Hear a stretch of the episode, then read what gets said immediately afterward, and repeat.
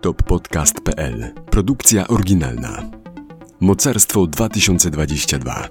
Mini serial audio.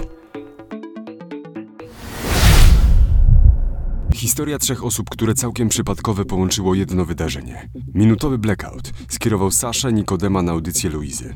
Tak rozpoczął się wyścig z czasem, który przynosi niewyobrażalne dla większości populacji Ziemi tragiczne skutki.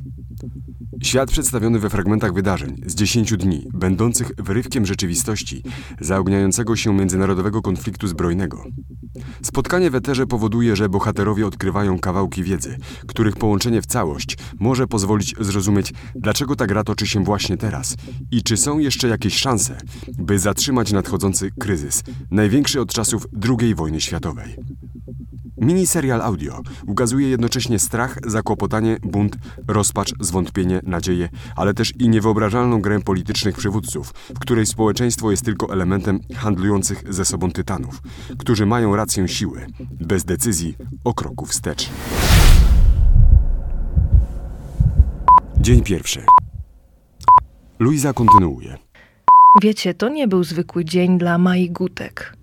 Kiedy podczas jesiennego spaceru rozmyślała o nowych wyzwaniach i podróży na Kilimandżaro, na jej oczach potrącony został dziesięcioletni chłopiec pod kołami czarnej limuzyny, uciekającej przed policją. Wtedy to próbowała podbiec do upadającego na ziemię chłopca, zaciśniętymi zębami krzyczała: Obudź się, obudź. Nagle w słuchawkach Luiza słyszy pisk i trzaśnięcie. Gaśnie światło.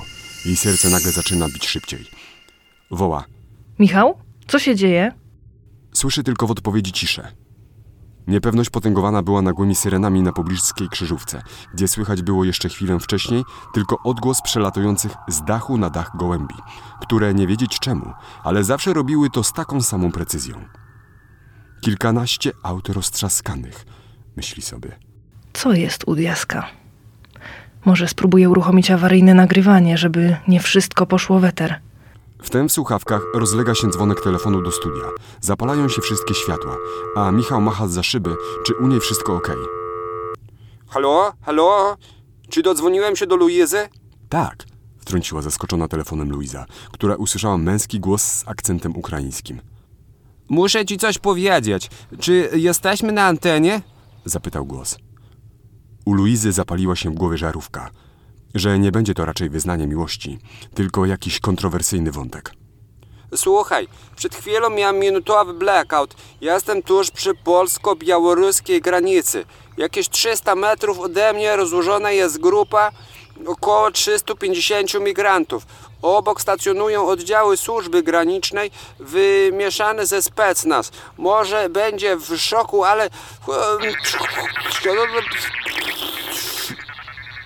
Tu chwilowo słychać e, trzeszczenie i próbę mówienia. Słychać strzały.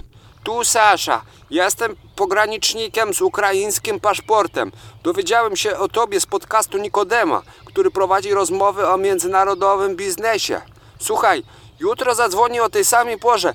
Nie, nie mogę rozmawiać. Wiesz, że Remkel i Kułaszenko nie powiedzieli całej prawdy opinii publicznej. Tu chodzi o coś więcej. Makala Keris za dwa dni ma się do mnie odezwać i przekazać Tu połączenie się urywa. Luiza szepcze. Nie wierzę temu, co usłyszałam.